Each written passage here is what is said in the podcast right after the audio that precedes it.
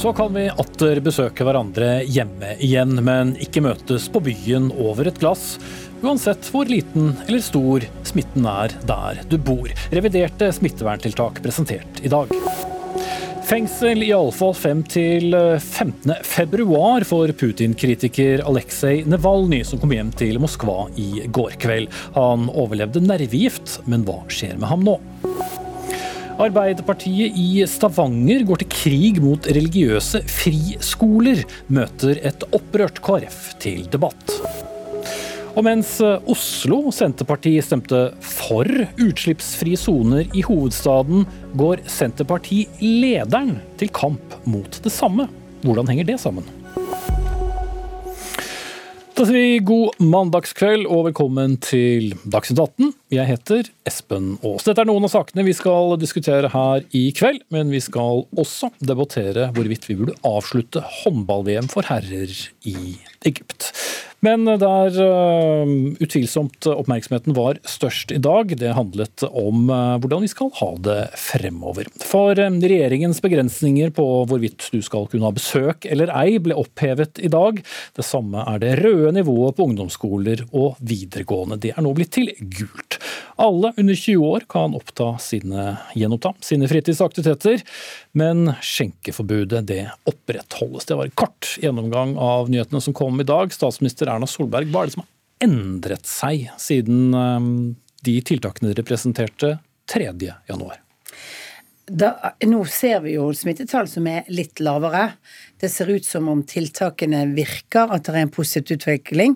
Og så sa vi at vi måtte ta et krafttak på eh, med å begrense den sosiale kontakten. Men det er også begrenset hvor lenge vi kan ha det sånn hvis vi ikke trenger å gjøre det. Og det er vår vurdering nå at eh, nå eh, er belastningen f.eks. med rødt på videregående og ungdomsskole i hele landet, det, den kan være for høy. Og eh, det samme gjelder jo det at du ikke kan ha noe besøk hvis ikke du er enslig, og da kan du ha en eller to personer på besøk. Mm. Det har da vært uh, to uh, lange skoleuker med den belastningen for barn og unge. Likevel så kan det jo være at uh, denne belastningen som du kaller det, skal fortsette i områder med stor smitte? Ja, det kan det være. Og I områder med stor smitte så må kommunene gjøre den selvstendige vurderingen. Og Vi har jo sagt at kommunene nå kan bruke denne uken på rødt nivå. altså Reguleringen er endret fra onsdag morgen, men man kan bruke denne uken på å gjøre den vurderingen om, om man skal gå til gult eller beholde rødt nivå. Og Det gir de en planleggingshorisont og en mulighet til å følge undervisningsopplegget de har. Vi fikk kritikk for at det kom raske innstramninger, men her vil kommunene være litt ulike og ulikt behov. Men vi lever i en situasjon nå hvor det er ganske ustabilt når det gjelder smitte. Vi ser landene rundt oss hvor særlig disse muterte virusene vokser mye i mange land. Det har vært veldig mange land som har tatt litt ned tiltak, og så må de inn, eh, sette i gang enda skarpere. Men må ikke vi gjøre det samme hvis vi nå plutselig begynner å besøke hverandre hjemme? Men det er derfor vi sier at vi må ikke gjøre for mye for raskt. Um, for vi må rett og slett ta det stegvis. Og da begynner vi med de tingene som vi tror kanskje gir størst uh, utfordringer det ene er prioriteten vår på barn og unge. At de skal kunne leve mest mulig normalt og ha et normalt sosialt liv. Og det andre er at vi, alle mennesker, trenger også å ha sosial kontakt. Mm. Eh, dere fikk ifølge Aftenposten feil tallgrunnlag eh, i romjulen. Dere fikk for høy andel smittede ut fra de som var testet, og altfor lave tall på hvor mange som var testet. I hvor stor grad påvirket det det noe skal vi si, målstemte utsynet dere presenterte 3.1? Mm, Ikke i det hele tatt. Eh, fordi at det var jo summen av ganske mye annet som gjorde det, bl.a. fordi at Folkehelseinstituttet var veldig klar overfor oss at eh, det var vanskelig med testtallene på det tidspunktet. For det var så mange færre som resultater som var tatt inn, og det var nok færre som hadde testet seg. Men vi så jo en økning i selve tallene som, av de som var syke, og vi så mye av det som skjedde rundt oss. Og så fikk vi på toppen en del av denne eh, britiske viruset, som jo eh, gjør oss i grunnen eh, ganske engstelige for situasjonen fremover. Vi har som målsetning å utsette at dette viruset, eller det sørafrikanske, eller det er et brasilianske et også på gang, at, at, disse virusene som er muterte, skal eh, komme inn i Norge og få smitte. For... Men det var jo ganske dramatisk nedstengning, særlig for eh, de yngste i, i mm. samfunnet. Og det dere i hvert fall så vidt jeg husker snakket mest om, var jo R-tall og, og smitte, og ikke fullt så mye muterte virus. Nei, men de muterte virusene lå der som en bit av det hele. Og så snakket vi om R-tall, og så snakket vi om smitte. Og så snakket vi om det faktum at folk hadde beveget seg veldig mye i løpet av julen. Mange hadde vært på hjemstedene sine for å feire jul. Man hadde gjort det som jeg tror alle gjør som normalt, at man hadde besøkt hverandre. I tillegg så visste vi at det kom veldig mange utenfra inn til Norge etter en, en, en julefeiring. Og, og, det er jo summen av denne usikkerheten som er bakgrunnen for det. Og da fikk vi like tiltak over eh, hele eh, landet. Og nå uh, blir de en del av de samme tiltakene lempet på. Men Marianne Sivertsen Næss, du er ordfører i Hammerfest fra Arbeiderpartiet og leder også Vest-Finnmarksrådet. Og du mener at disse tiltakene må ha lokale tilpasninger. Hva er det som skulle vært annerledes hos deg for at du skulle vært fornøyd nå?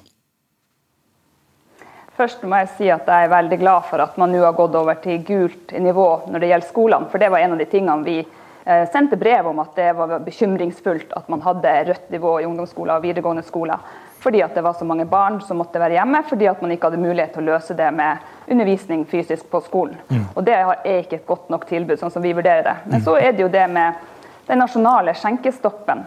Det er vanskelig å forsvare for våre innbyggere all den tid vi har et helt annet smittetrykk og smittesituasjon enn eh, store deler av landet. Mm, ja, hva er eh, smittetrykket hos dere?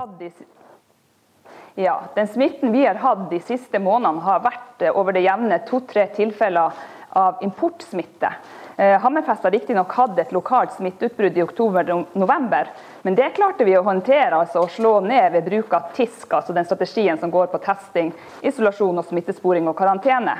Så vi mener jo at For at tiltakene skal ha en effekt, så må de være målretta. Og vi klarer ikke å se at en skjenkestopp skal bidra til å stoppe importsmitten, som er det vi har av utfordringer. Mm. Erna Solberg. Ja, nå er det sånn at uh, Smitte kan komme fra folk som kommer utenfra, men det kan komme fra folk som kommer fra et annet sted i landet. Det kan komme fra noen som har vært på besøk et annet sted fra.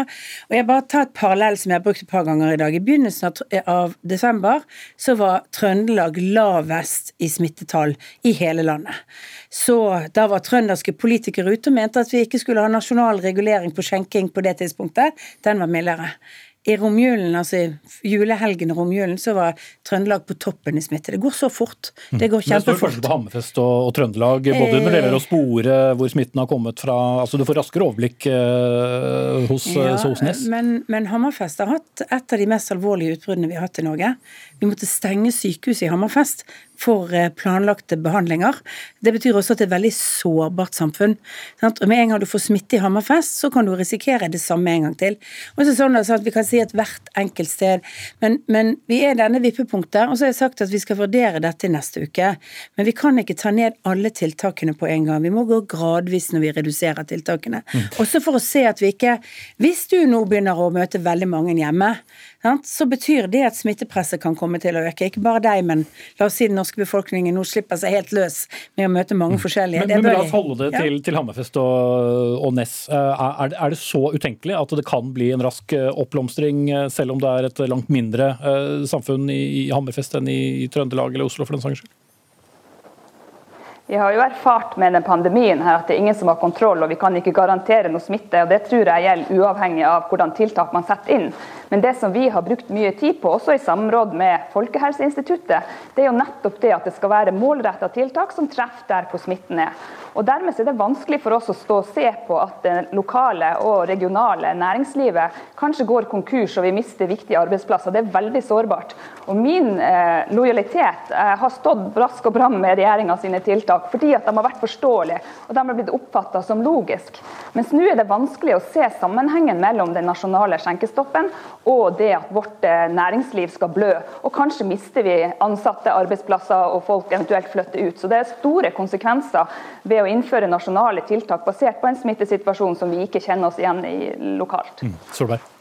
Ja, eh, men det er altså eh, en smittesituasjon som kan endre seg raskt. Det gjorde det når man fikk utbrudd utbruddet i Hammerfest i, i, oktober, som altså endte med et av de største tilfellene altså med størst konsekvenser for helsevesenet av at du måtte stenge den vanlige behandlingen på et sykehus. Men det startet ikke på Nei, men vi vet mye om at puber og barer og annet er faktisk steder hvor det er mange som vet. Det viktigste, viktigste indikasjonen på det i Norge er jo at bartendere og servitører er de gruppene som har mest smitte i Norge. Så selv om vi ikke har kunnet si at alt er arnesteden en pub eller en bar, så vet vi at eh, det er en grunn til at en sånn yrkesgruppe er, sant? og da er det sannsynlig at det er det. Så har en dansk rapport, eh, som er fagrapport som nå er gitt, har jo påvist faktisk at barer og puber er blant de tingene som ja, de mener er lavest grunn for å åpne opp for igjen, rett og slett fordi at smittefaren er så stor. Mm. Vi har også helsemyndighetene til stede i studio. Begynner med deg, Camilla Stoltenberg. Dere anbefalte jo egentlig at man kunne oppheve denne skjenkestoppen. Hva var det dere la til grunn for det? For det første så er det ikke helt riktig. Vi, vi, mener også at skjenkestopp virker. Eh, og det var en ganske begrenset uenighet, for å si det slik. Det vi eh, foreslo var at man skulle ha en skjenkestopp som startet klokken ti som nasjonalt tiltak, og så at man kan ha strengere tiltak enn det lokalt. Så vår primære holdning var at dette kan man kanskje nå overlate til kommunene og regionene å beslutte. Da vil det bli noe mer variasjon, og så får vi se om det fungerer like godt. Mm. Og så skal det jo også vurderes om en uke. Mm. Men, men, dere var litt uh, strengere der, eh, Espen Nakstad, assisterende helsedirektør, og, og ville uh, forlenge skjenkestoppen slik den er i to uker til? Ja, jeg tror ikke uenigheten var veldig stor, men eh, her går det litt på, på vurderinger og, og totalbildet. Altså klart, Vi legger jo eh, det smittevernfaglige til Folkehelseinstituttet til grunn. Hvor er smitten, eh, hvor stor er risikoen, hvor store er mørketallene? Veldig mange ting som spiller en stor rolle. Men så må vi også se an til kommunene, hva de klarer av testing og smittesporing. Hvor stor konsekvens får smitteutbrudd på utesteder f.eks. i den nåværende situasjonen hvor tallene er så høye. Mm. Det får du ikke anledning til å sjekke ut, da, for nå skal det være stengt. Ja, det kan du si, men, men vi må vekte det. Og vår totalvurdering var at risikoen var hakket for stor, eh, og mener at det var lurt å vente litt med det. Eh, også ut fra et litt føre-var-prinsipp. Men eh, dette er, dette er ikke noe fasit, men det er nyanser her. Og det er noe med hvor fort man skal tørre å åpne opp igjen, når vi tross alt bare har hatt noen få dager med smittenedgang i Norge. Nei, jeg skjønner jo at det ikke er en fasit, men det er klart for innbyggere da hos Marianne Sivertsen Næss så handler det jo om levebrød. Ikke det at vi på dødeliv må sitte og drikke øl, men det handler om å være ansatt, det handler om samlingspunkter. I hvor stor grad spiller det inn, eller ser dere da kun på, på smitte i, innenfor yrkesgruppene som ble vist til tidligere? Nei, vi så på begge deler. Eh, og det var som sagt ikke slik at vi mente at man kunne liberalisere dette vesentlig, men kanskje så mye at flere kunne faktisk drive eh, uten at risikoen ble for høy. Mm. Men eh, her er det argumenter for og mot begge løsninger, og jeg syns for så vidt den løsningen som vi nå har er tilfredsstillende i den forstand den skal vurderes etter en uke. Mm. Og det er usikkerheter rundt begge tiltak. Men vi kan møtes hjemme, eh, altså ikke ubegrenset antall, men, eh, men fem eh, besøk. Hvorfor vil ikke det øke smitten nå? Jo, det er det alltid risiko for at det vil gjøre. Så det er en vurdering også av om man kan holde ut tiltak over lengre tid. Et av problemene nå er jo at vi ikke vet hvor lenge det vil være nødvendig med ganske strenge tiltak. For på tross at smitten går ned, og at det er lovende, eller at det ser ut til å gå ned, så har vi den store usikkerheten knyttet til de mutasjonene som allerede finnes. Mm. Derfor fremstår det jo som et vel så stort sjansespill Espen Akstad, som om vi skulle åpnet opp serveringssteder hvor det ville vært et personale som i ivaretok tok smittevern smittevernreglene? Ja, du kan si du var inne på dette med fem. Det står jo fortsatt i covid-19-forskriften. Den er uendret. Det som har endret seg, er at rådet nå er at du kan faktisk møte litt folk, og det kunne du ikke de siste to ukene. Men uh, det er klart at uh, bakteppet her er jo en situasjon hvor vi også visste at veldig mange ville komme til landet etter nyttår eh, for å jobbe. Folk som hadde vært hjemme og feiret jul i land med vesentlig mer smitte enn oss. Mutert virus, vinterstid, vi er mye innendørs høye smittetall, og kommuner som skal drive vaksinering, og som allerede er på strekk ressursmessig for testing og smittesporing.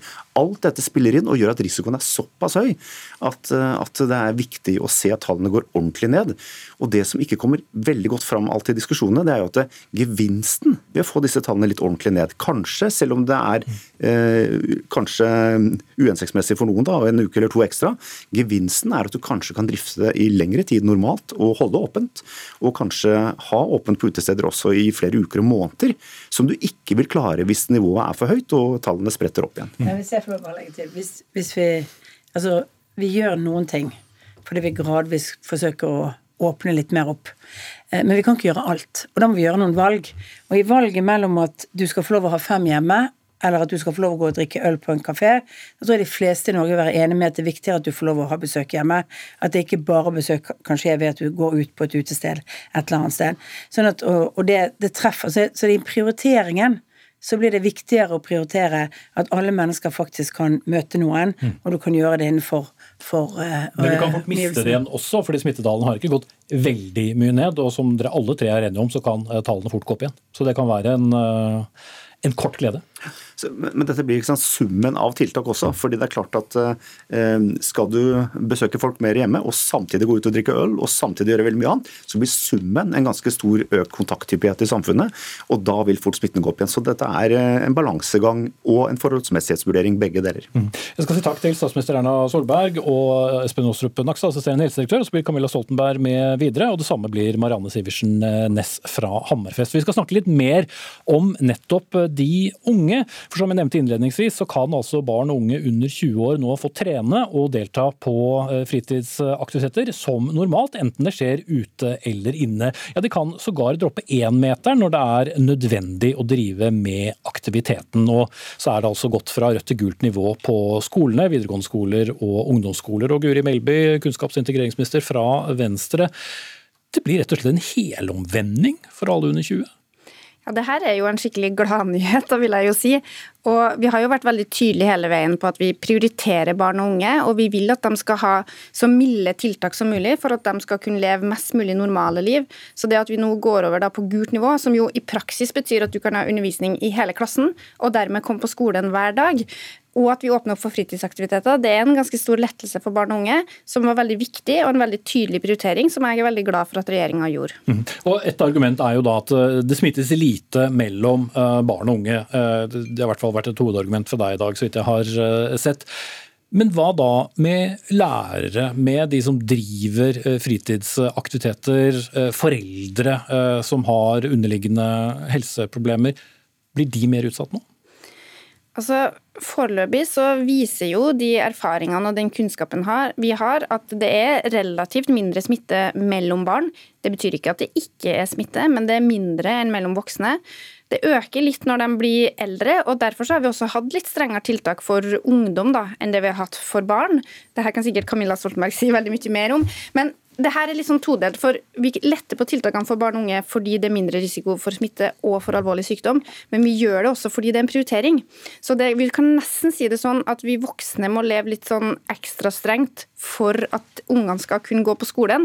Og jeg tenker at det er greit for meg å droppe treningsstudier altså, hvis ungene får lov til å spille håndball i hallen ved siden av. Jeg skjønner det, men samtidig så har vi også hatt to uker med veldig inngripende tiltak for mm. akkurat den samme gruppen. Var det nødvendig? Hvis altså, det smitter så lite og ikke utgjør noen fare nå, selv om det ikke har vært en enorm endring i eh, R-tall og, og smitte, men det går nedover? Vi har hatt to uker med veldig inngripende tiltak for alle grupper. Det har vært veldig strenge tiltak for absolutt alle. Barn og unge er jo faktisk fortsatt blant dem som har hatt de minst strenge tiltakene. Vi har jo vært veldig opptatt av at skolene skulle være åpne. Mm. Men mange har gått annenhver dag eller annenhver uke? Det har de gjort, men uh, de fleste voksne har holdt seg på hjemmekontor hvis de har kunnet det. Så jeg mener fortsatt at barn og unge hadde lettere tiltak også i de to ukene vi har vært gjennom, enn de fleste andre. Men det var også dem vi letta på først, når smittetallene gikk ned, og det mener jeg er en riktig vurdering. Mm. La meg gå til nord igjen og til Hammerfest og deg, eh, Marianne Sivertsen Næss. Hva mener du har vært kostnaden for disse to ukene som nå er gått med rødt nivå på ungdomsskole og videregående? Vi mener jo at vi burde hatt mulighet for regional differensiering. Og Det var jo bakgrunnen akkurat det som går på barn og unge, til at vi skrev den uttalelsen 16 av 18 kommuner i Finnmark. Det var jo fordi at vi mener altså belastninga og de negative sidene av de tiltakene er altfor store og ikke kan forsvares ut ifra smittevernhensyn. Så jeg er jo veldig glad for at man nå fra regjeringa sin hold fra i dag sier at man skal gå til gult nivå. Og Det er jo helt i tråd også med den informasjonen og det brevet som ble sendt til kommunene like før jul, som gikk fra Helsedirektoratet, FHI og Utdanningsdirektoratet, om at man ikke skulle bruke rødt nivå i skolene som et forebyggende tiltak. Så vi var jo ikke veldig glad for at det kom, men vi, forståelsen er jo at det var denne situasjonen med jul og nyttår, og at man stilte seg lojalt bak det som regjeringa kom 4.1. Men eh, det var ikke med et lett hjerte at vi da sa at skolene våre skulle være på rødt nivå, med de følgene at mange barn blir sittende hjemme med digital undervisning. Og Vi vet jo at det er de ungene som sliter mest fra før, som nå har vist seg å få det enda vanskeligere under pandemien. Så det her er noe av det som jeg synes er det mest tøffe med hele de tiltakene som settes inn, som ikke er målretta, men som er mer av forebyggende art. Eh, Kommenter på det, Camilla Stoltenberg. Den, den kostnaden, var det tallmateriale i, i romjulen som forsvarte eh, så inngripende tiltak i skolehverdagen til uh, ungdommene? Det som var situasjonen i romjulen, var jo først og fremst at vi eh, mistet oversikt, og at det skulle skje så mye rett etter jul. Vi hadde ikke på plass ennå de kontrollmekanismene som nå er ved grensepasseringer, med testing ved grensen og med forsterket karantene, eller forsterket vekt på karantene. Det skulle på plass, men vi var utrygge i Folkehelseinstituttet i hvert fall på hvor lang tid det ville ta før det kom på plass. Vi hadde mutasjonene, og vi hadde økt reisevirksomhet både i innlandet og ut av landet og tilbake igjen. Mm. øh, Men, men hva hadde det med ungdomsskole og videregående å gjøre? Det er det samlete smittetrykket som er avgjørende. Øh, Og når man nå letter på ungdomsskole og videregående skole, så er det jo fortsatt åpning for at man lokalt kan vedta noe annet. eh, Hvis det er behov Mm. For det. Du kan stramme til, men du kan ikke åpne opp. det er helt riktig. riktig. Så man legger på en måte en terskel for hvor langt ned man kan gå nasjonalt. Men lokalt vil det være tilpasninger til den situasjonen man er i. Men hvis jeg forstår det begge så har vi ikke noe tallgrunnlag som viser at det ga noen effekt på smittetallene å ha det røde nivået? Det tallgrunnlaget vi har, er jo det samlete tallgrunnlaget Mm. som viser effekten av alle tiltakene som ble iverksatt da. Vi har ikke et spesifikt tallgrunnlag akkurat for skolen. Så hvis skolen hadde forblitt på, på gult nivå, så kan det godt hende vi hadde hatt det smittevern... Det er mulig. Og det er noe av problemet med denne type tiltak, at tallmaterialet er ikke veldig spesifikt når det gjelder hvert enkelt tiltak. Og, og, og Guri Melby, så vil det da være opp til eh, kommunene nå å bestemme om de vil måtte ha rødt, altså hvor det vil være en økt bruk av, av hjemmeskole. Men hva skal ligge til grunn for det? Er det opp til hver enkelt eh, kommunestyre eller eh, bystyre eller byråd? Nei, det er det absolutt ikke. Her har vi for det første veldig klart lovverk, og jeg er veldig uenig med ordføreren i Hammerfest som sier at det ble brukt som et forebyggende tiltak. Det ble det ikke, og det har vi heller ikke lov til. Det skal bare brukes når smittetallene tilsier det. Vi var i en situasjon med økende smittetall. Det hadde økt ganske mye i aldersgruppa 13 til 19 år. Eh, Vi hadde også før jul hatt en økende antall skoler som hadde litt større utbrudd enn det vi hadde sett tidligere på høsten. Så det var ikke et forebyggende tiltak. Da hadde vi gått ut med det 15.12. og sagt at Ja, for sikkerhets var det skyld ikke noen tall som tilsa at smitten var stor Nei, blant som barn og unge. vi hadde en ø, smitteøkning i hele landet, Ja. i veldig mange fylker, som kom opp på et mye høyere nivå i løpet av noen få uker. Eh, Og det var bakgrunnen for at man valgte å Men når det gjelder. Når det gjelder den lokale beslutninga om å gå over til rødt nivå, så er det laga en veldig tydelig veileder fra Folkehelseinstituttet som beskriver hva som er kriteriene når man skal gå over til rødt. For det handler på den ene sida om smittenivå, men det handler også om en del andre faktorer. Det handler om kapasitet i helsevesen, det handler også om hva slags andre tiltak man har mulighet for å sette inn for å dempe de negative konsekvensene. Og jeg har også lyst til å spille ballen litt tilbake til ordføreren i Hammerfest og andre kommuner, for det finnes også tiltak man kan sette inn for å dempe de negative effektene av rødt nivå. Det trenger ikke å bety hjemmeskole annenhver dag. Det er mulig å finne andre løsninger, og jeg håper at kommunene nå lager seg en beredskap som gjør at dersom det er behov for å sette inn det tiltaket flere ganger, så kan vi kanskje dempe de negative virkningene, slik at ungene får være mest mulig på skolen. Mm. Ness. Fikk du Eh, den forklaringen du trengte eh, egentlig for de to ukene du har hatt med, med rødt nivå? Det vi er opptatt av er jo den muligheten for regional differensiering. Og Jeg har bare lyst til å vise til det lokale smitteutbruddet som vi hadde i oktober, som var stort, og som også statsministeren snakka om. Eh, Da hadde vi altså en situasjon hvor vi hadde opp mot 57 smittede over en periode. Vi fikk to elever som ble smitta. Da tok vi målretta tiltak. Rødt nivå på de to skolene som var berørt. Etter ei uke eller noe sånt, så var vi over på gult nivå igjen. Og Samme var det når vi da hadde den smittesituasjonen, så stengte vi ikke uteplassene. Men det var to uteplasser som var berørt. Én ansatt i hele Finnmark i serveringsbransjen har fått eh, smitte, ingen andre. Så det er noe med å få den muligheten til den regionale differensieringa. For det er jo sånn at smittesituasjonen er jo en helt annen. Ja, vi kan stramme til. øh, Men vi har allerede sett på det som øh, Melby viser til, og se på hvordan kan man drifte på rødt på en måte som gjør at ungene er med på skolen. Men det her kom veldig brått på, så der trenger man å bruke tid og, og forberede seg på det. Men vi ser ikke at det på noen som helst måte er forsvarlig at ungene skal ha digital og hjemmeundervisning øh, med smittesituasjonen som vi har. I løpet av de kommende dagene så vil vi få beskjeder i eh, veldig mange kommuner hvorvidt de eh, kommer til å holde på gult nivå på ungdomsskoler og videregående, eller om de vil da gå opp til rødt. Takk til eh, kunnskaps- og integreringsminister Guri Melby fra Venstre, direktør ved Folkehelseinstituttet Camilla Stoltenberg, og Marianne Sivertsen Næss, ordfører i Hammerfest fra Arbeiderpartiet.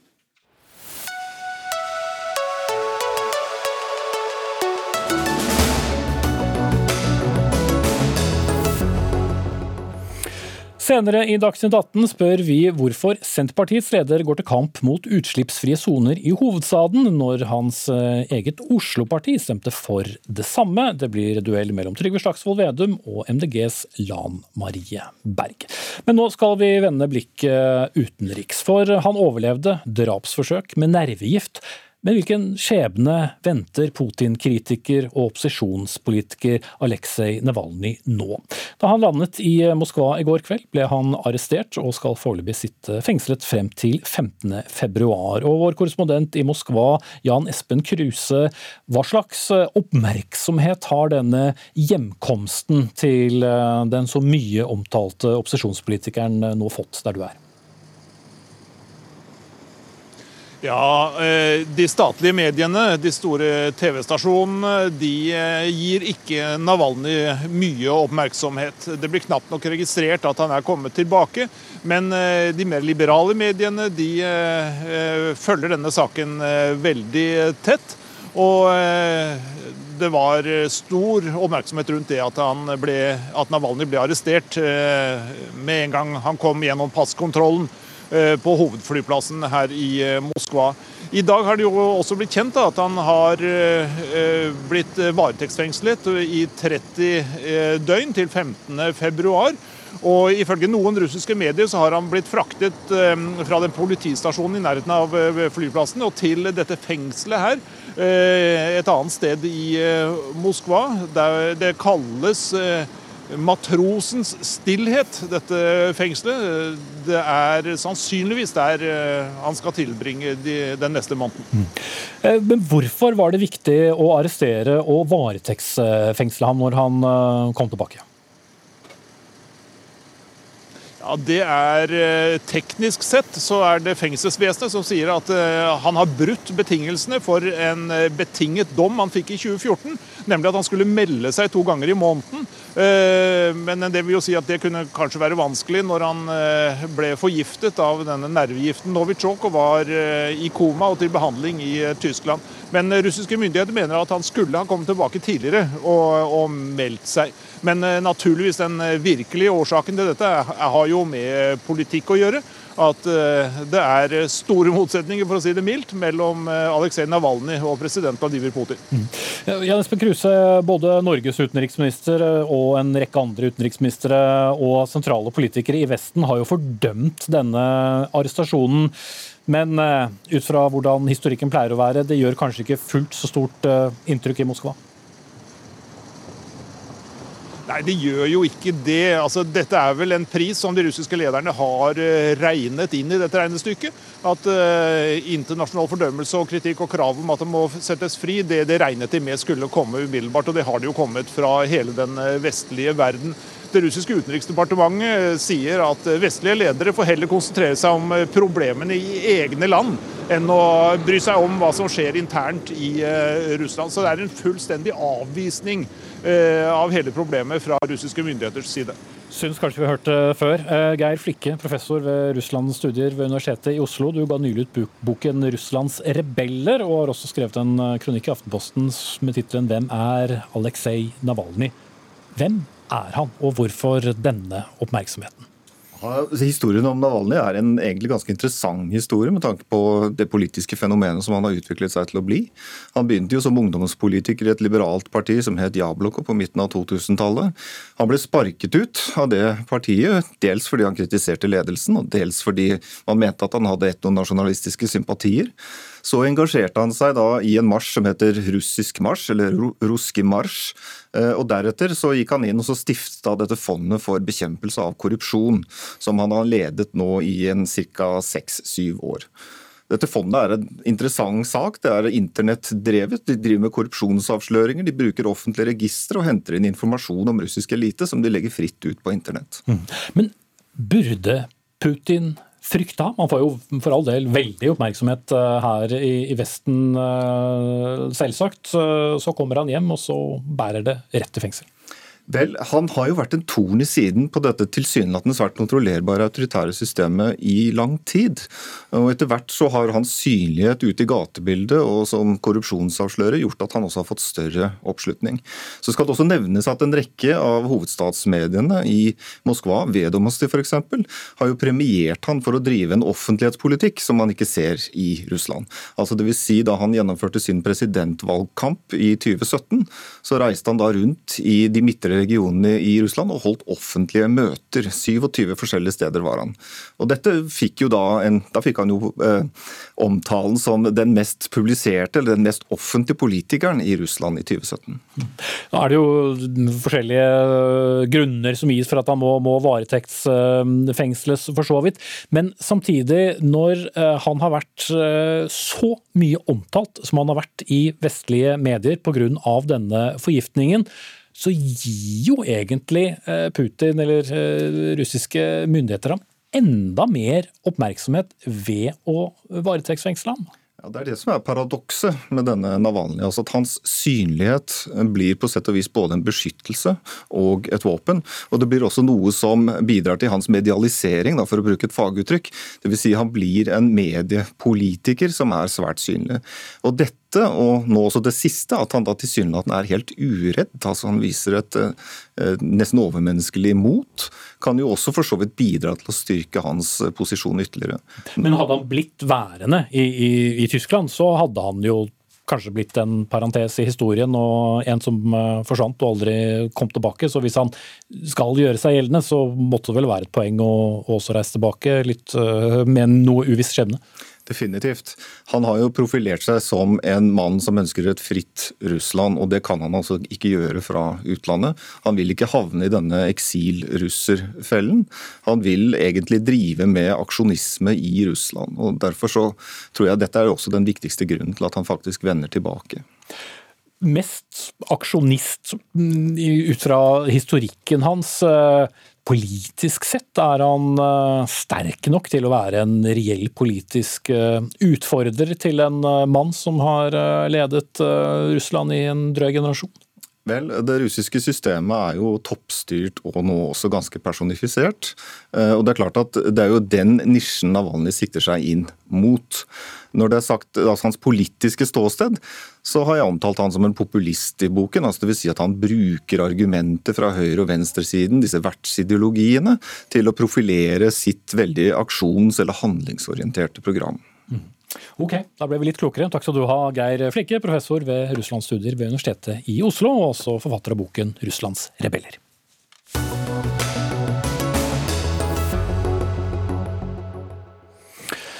Om noen timer møter Norge Østerrike i den tredje kampen i gruppespillet i VM i håndball for herrer.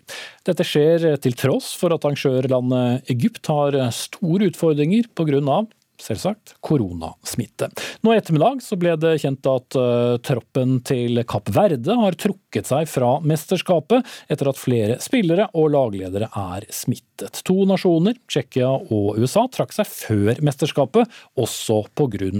koronafrykt. Leif Elhaven, sportskommentator i, i VG, du har sagt at dette mesterskapet burde aldri funnet sted. Hvorfor ikke? Altså, I seg selv så er det spesielt at 32 land altså, skal samles i Egypt under de eh, omstendighetene som råder.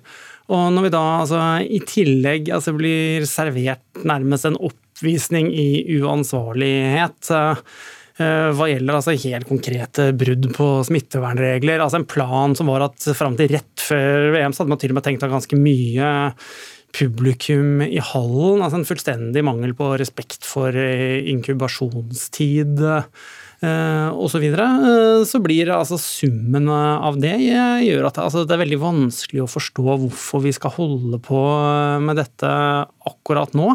Altså I en tid der altså, helse er langt viktigere enn håndball. Mm. Men det ble jo vurdert helsemessig? Ja, Så kan man lure på hvilken eh, vurdering som eh, har ligget eh, til grunn. Når det altså dukker opp altså så elementære brudd på smittevernreglene, hvor man da altså får et mesterskap som altså er i gang før man får en tettere testfrekvens f.eks. Og det rapporteres altså, fra Egypt uh, at uh, aktører som kommer ned altså, er sjokkerte over uh, forholdene. Da lurer jeg på hvordan havnet vi altså, i denne situasjonen altså, i utgangspunktet? Nå har vi levd med denne pandemien så lenge. og Da er det for meg altså, helt uforståelig at altså, internasjonal håndball setter seg i en så amatørmessig situasjon, hvor vi havner der vi, der vi gjør nå. Kanskje går det bra til slutt, men det bedrives gambling.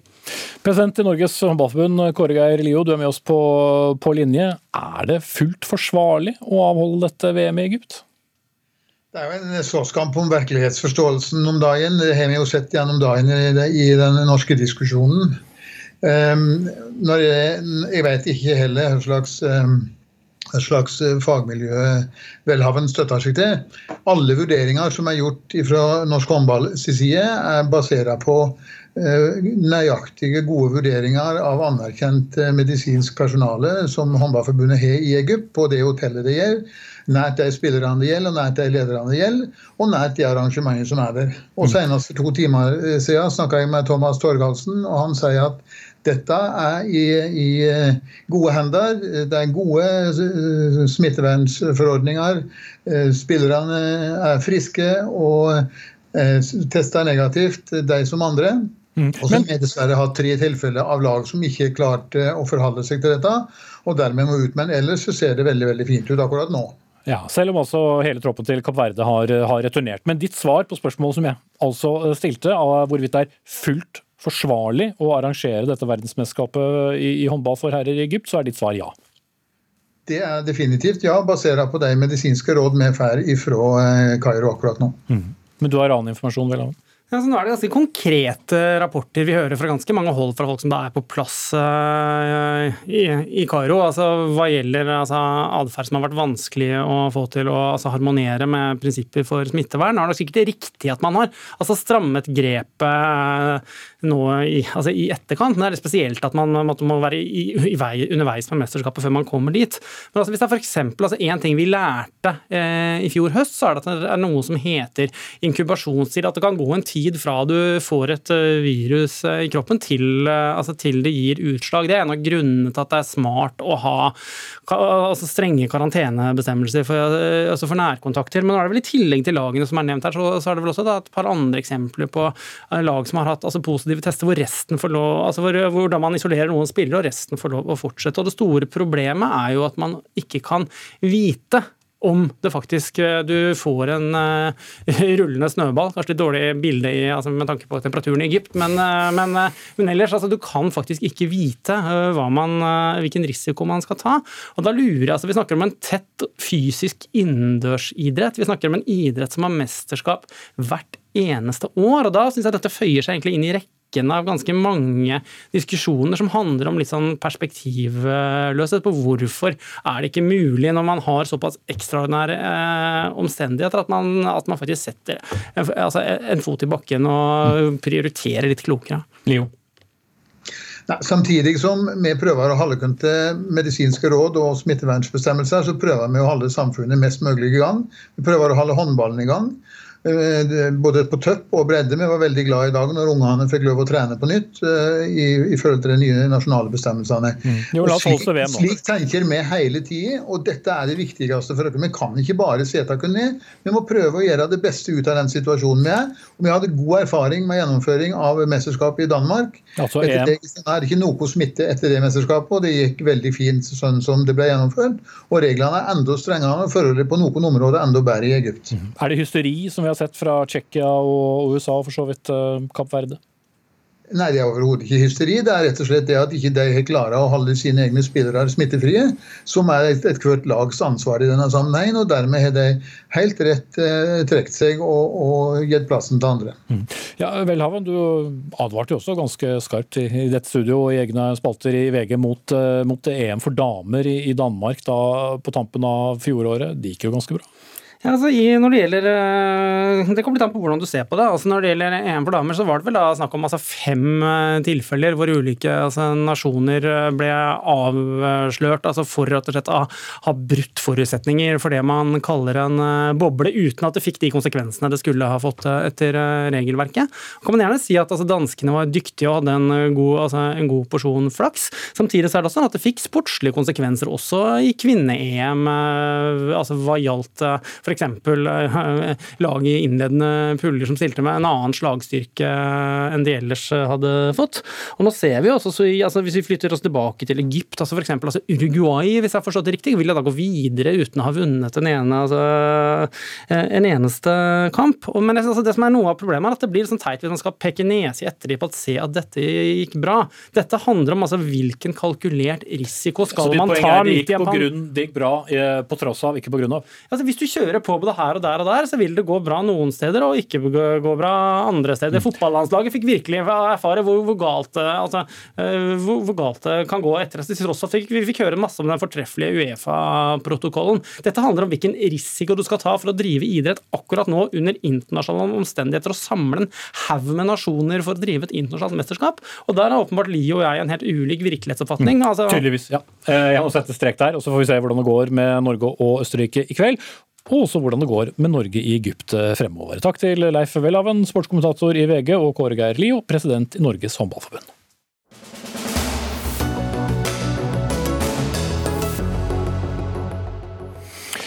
Så til eh, strid om religiøse friskoler. For eh, Arbeiderpartiet bør gå inn for å stanse all statlig støtte til disse skolene. Ja, det mener to eh, sentrale Arbeiderpartipolitikere fra Stavanger. Den ene er deg, Dag Mossige, gruppeleder for Arbeiderpartiet i Stavanger. Og til Vårt Land, avisen, så sier du sitat det bør ikke være en statlig oppgave å bidra til ytterligere segregering i samfunnet på religiøst grunnlag. Det er argumentet for å kutte all statlig støtte hvordan er det disse religiøse friskolene segregerer samfunnet? Mm. Vi lever i en stadig mer urolig tid, eh, der vi stadig større grad snakker eh, om hverandre og til hverandre. Jeg mener vi må snakke mye mer med hverandre. Eh, jeg tror på sterkere fellesskap, og for meg er fellesskolen en svært viktig del av den norske suksesshistorien, der alle har de samme mulighetene til å lykkes i livet. Jeg tror ikke på skole, på private skoler for matteflinke, skoleflinke, skolesvake, kristne, muslimer, rike, fattige. Jeg vil ha de i fellesskolen. Jeg mener disse religiøse skolene undergraver undergraver fellesverdiene. Det svekker elevgrunnlaget og økonomien til fellesskolen. Eh, og det er en statlig subsidiering av en religiøs innretting som jeg syns er særdeles lite fremtidsretta i 2021. Men, men hva er segregeringen? Segregering er når du har eh, eh, skoler der barn blir stadig eh, likere hverandre. Det er når ungene i gata eh, vokser opp, men eh, går på hver sin skole. Det er rett og slett omvendte av det vi trenger i dag. Jeg vil heller ha det mangfoldet inn i, i fellesskolen, enn at stadig likere barn skal gå på sine egne private skoler, finansiert av det offentlige. Mm. Hans Fredrik Grøvan, parlamentarisk leder og skolepolitisk talsperson i Kristelig Folkeparti. Dere har reagert kraftig på det, og du sier også til Vårt Land at dette er et uttrykk for sitat, autoritær liberalisme. liberalisme. Hva betyr det? Ja, det betyr rett og slett at eh, som politikere så belønner vi med statlig støtte de holdningene som vi sjøl liker, og så sier vi nei til de holdningene vi ikke liker. Og Jeg må jo si at jeg syns det er veldig trist å registrere at et stort lokallag i Arbeiderpartiet velger å gå til angrep på et av de sentrale punktene i menneskerettighetserklæringen om at foreldre skal kunne ha rett til å velge opplæring for sine barn i tråd med sin overbevisning. Dette har vært et sentralt prinsipp og er med å bidra til å lage et demokrati der også mindretallet skal ha noen rettigheter. Og Dette er jo foreldre som eh, betaler skatt som eh, alle vi andre gjør. Eh, hvorfor skulle ikke de da ha rett til å kunne få en finansiert statlig skolegang for sine barn? på samme måte som, som alle andre gjør det. Mm, vel, Svaret hans var vel at det skaper to uh, ulike typer uh, barn. De som går på fellesskolen og lærer de verdiene, og de som går på en annen type skole og lærer andre verdier. Ja, Det er en stor misforståelse. og Hvis vi går og ser på de undersøkelser som har vært gjort når det gjelder sammensetningen av elevgrunnlaget på friskoler, på kristne friskoler, så har du faktisk den samme bredden der eh, av ulike deler av samfunnet, ulike deler av livssyn, kulturer osv. som i den offentlige skolen. Den undersøkelsen er den ferskeste som vi har fra 2016. Så eh, jeg tror faktisk vi finner mer segregering gjennom eh, på enkelte skoler i store byer, eh, der bydelene eh, kanskje kan være en større utfordring enn det som vi opplever her. Så jeg syns jo det å da også ha et skille, som man eh, argumenterer for, mellom religiøse skoler eller skoler basert på livssyn og skoler basert på pedagogisk alternativ, det er jo også i strid med, med det som ligger i konvensjonen fra menneskerettighetserklæringen. Okay, har Uh, Mossegge, dere skjerper jo da egentlig ordlyden i det som står i Arbeiderpartiets program for de neste fire årene, uh, hvor det bare står at partiet ønsker å gå bort fra statlige uh, friskoler. Hvorfor trengs det en, en slik presisering? Nei, Jeg må jo først få lov å svare litt på de tingene jo, som Grøvan, de påstandene. Og, og Å si at dette handler om hvilke holdninger vi liker eller ikke, det er fullstendig absurd. Eh, en står fritt til å mene og si og tro hva en vil i dette landet, men at du plent skal ha din egen religiøse skole, enten en muslimsk skole, en sjiamuslimsk skole, en katolsk skole mm. Nå er det vel bare kristne friskoler i Norge? Ja, Å forvente at staten skal ta retninger for det, det har, det har, ikke noe med menneskerettskonvensjonen å gjøre. Heller ikke europeiske eller, eller FN. Eh, den sier ikke at du har en, en, plikt til å få dette betalt av det offentlige. Men, men som sagt, altså, eh, du, du, understreker jo en spesiell religionsforrang foran andre livssyn når du oppretter en eh, skole på religiøst grunnlag. Det er ikke en alternativ pedagogikk å si at du tilbyr Bibelen eller Koranen. Vi har et eksempel her i Stavanger der vi har en splitter ny friskole som ble bygd vegg i vegg med den offentlige skolen. Kommer til å ta elevgrunnlaget fra den. Du vil ha unger som går sammen på skoleveien og skilles foran skolen. Jeg vil heller at ungene i gata skal lære hverandre å kjenne, og det gjør du ikke når du skiller dem om de går på private betalingsskoler eller i den offentlige skolen. Mm, så Disse skolene følger jo den offentlige læreplanen. Eh, de har godt kvalifiserte lærere. De er en like god integreringsarena som den offentlige skolen er. Eh, så de holdningene som Mosige her gir uttrykk for når det gjelder oppfatningen av innholdet i disse skolene de er veldig forkvakla, må jeg si. Men har det eh, ikke vært tilfeller hvor f.eks. Eh, skapelsen forklares med religion snarere enn gjennom naturfag, og at det finnes også lærebokmateriale hvor, hvor kvinnens posisjon i familie og samfunn presenteres noe annerledes enn du ville fått i den vanlige offentlige skolen? Altså, de legger de offentlige læreplanene til grunn, og så skal de som har et livssynsgrunnlag, de skal ha en begrunnelse for hvorfor de ønsker å få god godkjenning på det grunnlaget der. Og da skal de følges opp på samme måte som annen skole gjør. Så, så Når i tillegg da en lager en oppfatning som om at dette ikke er i tråd med menneskerettighetserklæringen, det forteller jo at Mossige har ikke helt skjønt hva det betyr at foreldrene har rett til å kunne velge sin opplæring for sine barn. Det er et veldig viktig prinsipp. og Hvis vi skal håndtere mindretall i et pluralistisk samfunn på den måten der, så blir, det, så blir statlig støtte en belønningsordning. Det er et veldig alvorlig angrep i forhold til mindretallets muligheter til å kunne få sine rettigheter oppfylt. Og det er nettopp det at det, være, at det er religiøst som er hovedproblemet, Mossige, fordi andre type uh, friskoler med et annet pedagogisk innhold, enten det er Steinerskoler eller andre, det er greit, men det er det religiøse aspektet som du finner spesielt problematisk? Ja, vi, har, vi, har, gitt unntak til skoler som har en gjennomført uh, alternativ pedagogikk. Det er mange unger som, som trives bedre på Steiner enn Montessori enn i fellesskolen. Men det er noe helt annet, uh, kvalitativt annerledes, når du segregerer på, på religion. Altså, Du kan være norsk-somalsk, du kan være norsk-ugandisk. Det er langt verre å være kristen-muslimsk eller uh, ateist-kristen. Det er identiteter man ikke deler.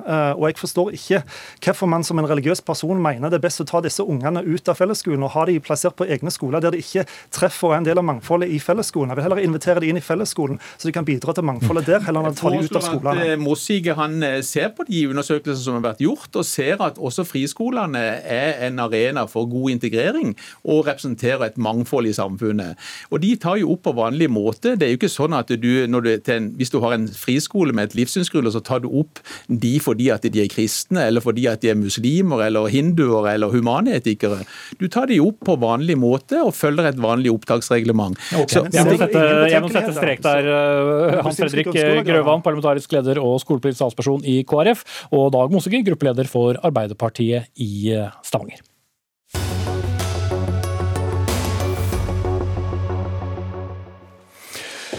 Senterpartiet har eh, gått til kamp mot byrådet i hovedstaden, som vil ha det som heter utslippsfrie soner i indre bydeler i landets eh, hovedstad. I Aftenposten rett før helgen kunne vi se Trygve Slagsvold Vedum, Senterpartilederen, posere med sin dieseldrevne Volvo V70 sammen med både Oslo Senterpartiets leder Bjørn Sandkjær og den nykonverterte senterpartisten Jan Bøhler, mens han altså understreket at forslaget om utslippsfrie soner bare er symbolpolitikk som rammer de som har minst. Han skal få begrunnet dette litt mer snart, men um, det er klimameldingen som regjeringen har lagt frem som åpner for slike nullutslippssoner. Det betyr at bystyrer i norske byer kan forby eh, beboere og næringsliv å kjøre diesel og bensinbiler i enkelte områder i sine byer. Og Det er særlig Oslo og Bergen som har Arbeiderpartiet Miljøpartiet De Grønne i spissen, som har presset på for dette. Og La oss eh, begynne da med byen som er eh, singlet ut i, denne saken. Lan Marie Berg, miljø- og samferdselsbyråd eh, fra Miljøpartiet De Grønne. Du har brukt ett ord du, overfor Trygve Slagsvold Vedum når det gjelder denne saken. Klimahyklersk. Er det? Nei, det er jo sånn at vi står midt i en alvorlig klima- og miljøkrise. og Det betyr at vi må kutte utslippene våre så raskt vi kan. og Det er bakgrunnen for at Oslo har et mål om å bli en nullutslippsby innen 2030. og Da må nødvendigvis også alle bilene som kjører i Oslo være på null utslipp. Og Det at Trygve Slagsvold Vedum går så hardt ut mot nullutslippssoner, det viser jo at han ikke forstår seg på de utfordringene som vi som bor i byene har. Fordi selv om lufta er dårligere, eh, bedre enn den har vært på mange år, så sliter vi fortsatt med helsefarlig luft. Vi har fått ned biltrafikken, men mange barn har utrygge skoleveier. Og mens de aller fleste i Oslo tar kollektivtransport, sykkel eller beina i hverdagen, så har vi altfor mye plass til bilene i byen. og Derfor er det best og mest sosialt rettferdig å redusere biltrafikken. Mm, slik at de som går og sykler og reiser kollektivt får mer plass, og vi får eh, tryggere og bedre luft i byen vår. Men, men hvor, eh, hvor kommer det hyklersk inn? Nei, Det er jo hyklersk fordi at her ser vi at uh, Senterpartiet har stemt for nullutslippssoner da vi behandlet klimastrategien vår i Oslo. Men nå vil de tydeligvis drive valgkamp på å angripe miljøpolitikken i byene, og Det syns jeg er dumt, fordi det skaper mindre forståelse for de store utfordringene som vi faktisk har i byene. Ok, Da skal du slippe sånn å få gjenta det, Lan Marie Berg. Så skal ja. jeg snu meg til Trygve Slagsvold Vedum for Bjørg eh, Sandkjær, som du var avbildet med. Hun stemte jo for dette, hun nå. Visste du bedre enn henne, eller hadde hun glemt det da dere lot dere avbilde av Aftenposten? Og ifølge Arbeiderpartiet lokalt så har Jan Bøhler også vært for dette da han var Arbeiderpartimann. Ja, men Jan Bøhler klarte å kjempe gjennom at det skulle, hvis det var store lokale utslipp, f.eks. som kunne ramme helsa til folk, så uh, sørga bl.a. Jan Bøhler for at det ble en hjemmel i lovverket som gjør at man kan stenge trafikken på visse dager ut fra lokale, lokale forhold. Men det som er forslaget fra regjeringa nå, og fra MDG og Arbeiderpartiet i Oslo, det er at man pga. klimamessige forhold skal kunne forby å kjøre bil i visse deler av en by. Og Det er grunnleggende urettferdig, for det rammer mye hardere de som har dårlig råd, som har en gammel bil, typisk renholderen som må kjøre gjennom om natta for å gjøre jobben. Vi kan ta de eksemplene om litt, men, men, hvorfor stemte da Oslo Senterparti for det da saken ble behandlet i bystyret? Det var bare Folkeaksjonen mot nei til flere bompenger og Fremskrittspartiet som, som, var imot. Men nå er du mer enig med dem da enn eh, din ene bystyrerepresentant i hovedstaden? Bjørg Sandkjær var med på det utspillet, og siste gang det var behandla, det var før jul. Da hadde MDG og Arbeiderpartiet lagt inn 4 millioner kroner til å innføre nullutslippssoner. Senterpartiet tok de 4 millioner kronene ut, for mente at det var ufornuftig bruk av penger, og la det heller inn på mer utstyr i yrkesfag, og mente at det var en rettere politisk prioritering. Så, så, så hun angret på de tre månedene som har gått? Nei, men det var en politisk prioritering. Og der eh, har man stemt for en klimaplan. Men vi mener det er feil å forby folk å kunne kjøre den gamle bensinbilen sin eller dieselbilen sin. Og når du ser hvem som eh, har de bilene, så er det oftest folk med lavere og middels inntekter som har det. Og de som har råd til å kjøpe seg f.eks. en ny Audi E-tron eller Tesla, de skal få lov til å kjøre inn med MDG sin politikk.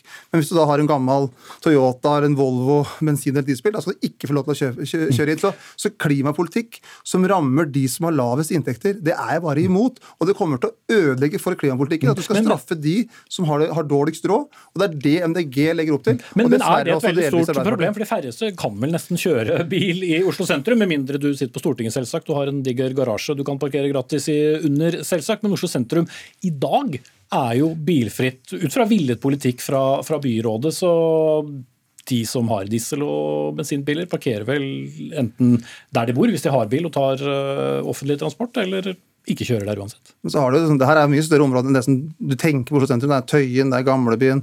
Det er, det er store områder Det er, det er helt vanlige folk bor og lever hverdagslivet sine. Eh, Og mange har også da en, ofte en litt eh, gammel bil, spesielt i visse deler av Oslo øst, så har man lavere kjøpekraft, har, eh, har eldre biler. Og så er det en del som jobber også nattestid. Typisk renholdere som kommer inn på natta.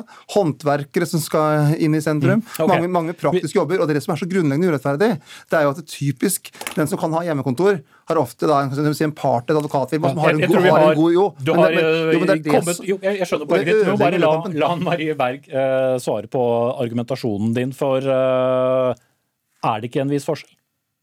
Nei, det Vedum glemmer, det er at tre av fire i Oslo de reiser kollektivt eller med sykkel og gange. Og det vi ser er at det, er, de fle, de som, det er flest rike middelaldrende menn som kjører bil i Oslo, mens de med lavest inntekt er mest avhengig av kollektivtransporten, og tjener dermed best, mest på at det blir bedre kollektivtransport og færre biler i byen. For det andre så er det dyrt å ha bil, så de som har dårligst råd i byen vår, de har ikke råd til å ha bil, men er avhengig av kollektivtransporten. Og for det tredje så er det ikke sånn at fossilbil er gratis, mens alle elbiler er dyre. Vi har vært tydelige på hele veien at det kommer til å bli dyrere å kjøre fossilbil i Oslo framover.